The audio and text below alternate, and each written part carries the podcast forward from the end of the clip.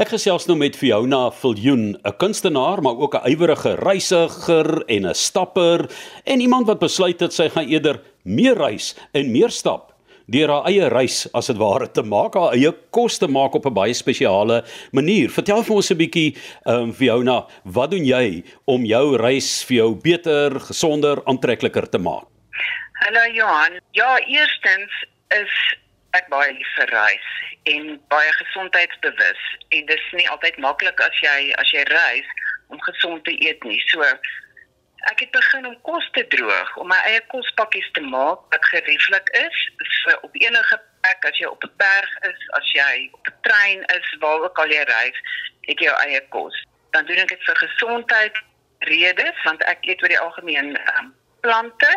So 80% vegan en dis ook moeilik as jy reis. Dis nie altyd bekombaar nie.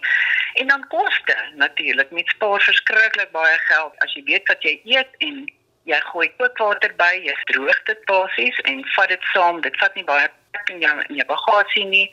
Ja, en dit is gerieflik. Die tipe van uh, kos wat 'n mens maak, jy het klaar vir ons die sleutel gegee, jy droog dit. Nou het 'n mens enige spesiale toerusting apparaat nodig daarvoor? Johan, jy het nog gehad. Um, ek het 'n dehydreerder gekoop wat my lewe baie makliker maak. Ehm um, daar's verskillende so van ek wil amper sê van so R500 af opgaan en as mens dit net vir jouself doen, het jy nie vreeslike ding nodig nie.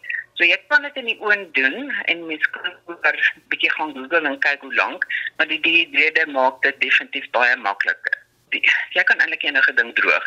Wat nie lekker werk nie is enige bestanddele hoog in vet. Jy kan nie 'n uh, avokado peer droog nie byvoorbeeld. Maar jy kan enige styfel droog, jy kan quinoa, pasta, rys, swart rys, buckwheat, jy kan dan ook jou jou kombinasie van jou volledige maaltyd kan jy bymekaar sit met 'n derde proteïen, 'n derde styfel en 'n derde groente en jy kan ook jou eie resepte maak. Ek het 'n paar, ek het nou al lekker geëksperimenteer. So van tuna tot mense wat vleis eet, kan hulle kan hulle beesvleis droog, maalvleis droog, hoender, wildvleis, vis in die lyn van vis droog, tuna lekker.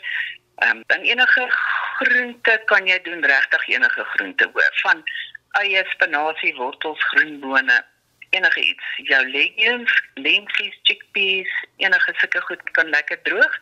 En dan ook maak jy dit lekker. So jy wil natuurlik nie 'n droë klomp kos hê nie. So jy kan 'n sous maak vir die tyd, soos 'n lekker pasta sous maak en jy droog daai pasta sous op 'n vel binne in jou dehydreer en en dan maak hy soos 'n krummel. Dit jy maak hom fyn en dis 'n poeier en daarvan gooi jy dan 2 of 3 of 4 gram wat ook al jou resep sê.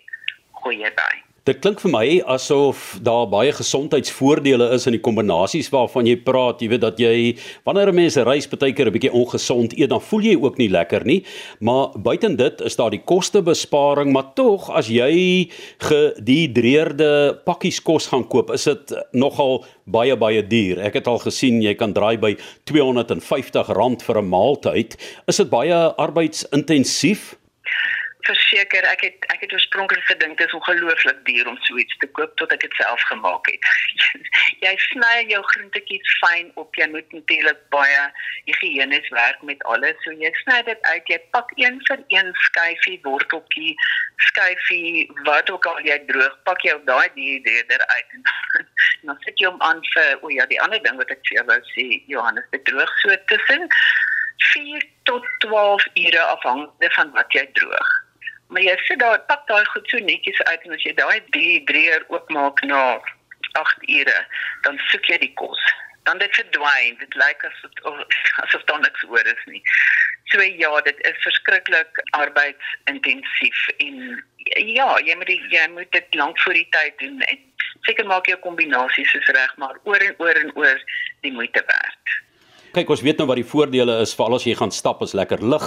Jy het hierdie pakkies, jy het nie blikkies wat jy hoef saam te neem nie, maar om dit dan nou weer eetbaar te kry, hoe werk die proses?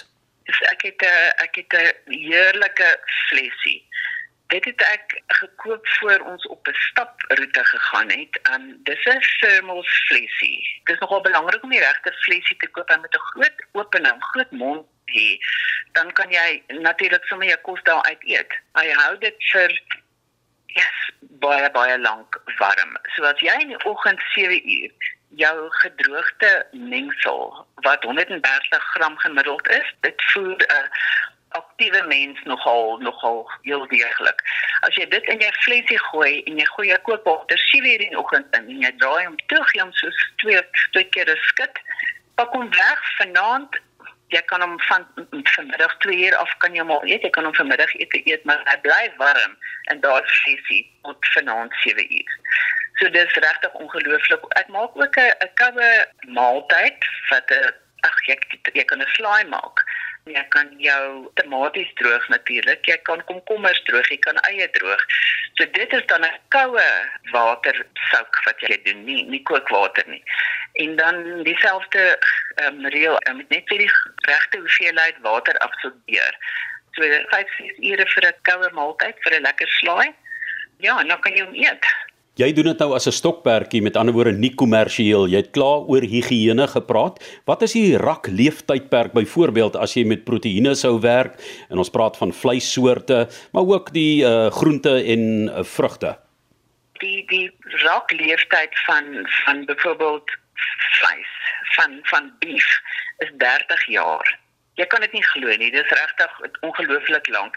Ek verpak dit wel baie mooi. Ek het um, sokkies. Jy kan dit in 'n gewone Ziploc sokkie sit, maar ek het sokkies gekoop. Dis 'n mengsel van verskillende plastieke, maar hy hou hom basies droog. So jy sit dit daar en druk meeste lug uit en seël hom mooi. Jy wil nie klammigheid laat inkom nie, want ek dink dit gaan jou raak lewe bietjie belemmer. So maak net seker dit droog en jy kan ook sakkies van hierdie silikoon insit, maak net seker as jy dit vir iemand anders maak en die mense nie dit in hulle lywe inkry nie, eet nie daai nie. Voordat jy dit uitgooi of water bygooi om te rehydreer, maak seker jy al daai sakkie uit. So as dit droog is, Johan, kan jy dit vir baie baie baie lank hou. Jy het ons nou 'n paar lekker wenke gegee. Ons tydjie is verstreke. Dit is uh, eh, Viona Viljoen met wie ek gesels het, 'n uh, kunstenaar, maar sy hou van stap en reis. Maar ek wil so ten slotte vir jou vra, jy weet as 'n mens nou die gewig in ag neem wat jy saam karwei wanneer jy gaan stap, dan wil jy nou nie die flesie al die oggend noodwendig vol kookwater maak nie, maar kan 'n mens dan ook in die aand wanneer jy nou by jou kampplek of oornagplek is, dit uh, met gewone kookwater vinniger ek wil amper sê versnel die proses. Jy kan dit beslis doen, Johan, as as jy op 'n op 'n staproete of in die berge is en jy het nie 'n flesie by jou nie, kan jy dit in 'n potjie op hierdie kampstofies wat jy dan in 'n geval by jou het, kan jy dit in 'n potjie sit en kookwater by sit en en kook hom vir so 20 minute en dan gaan dieselfde doen.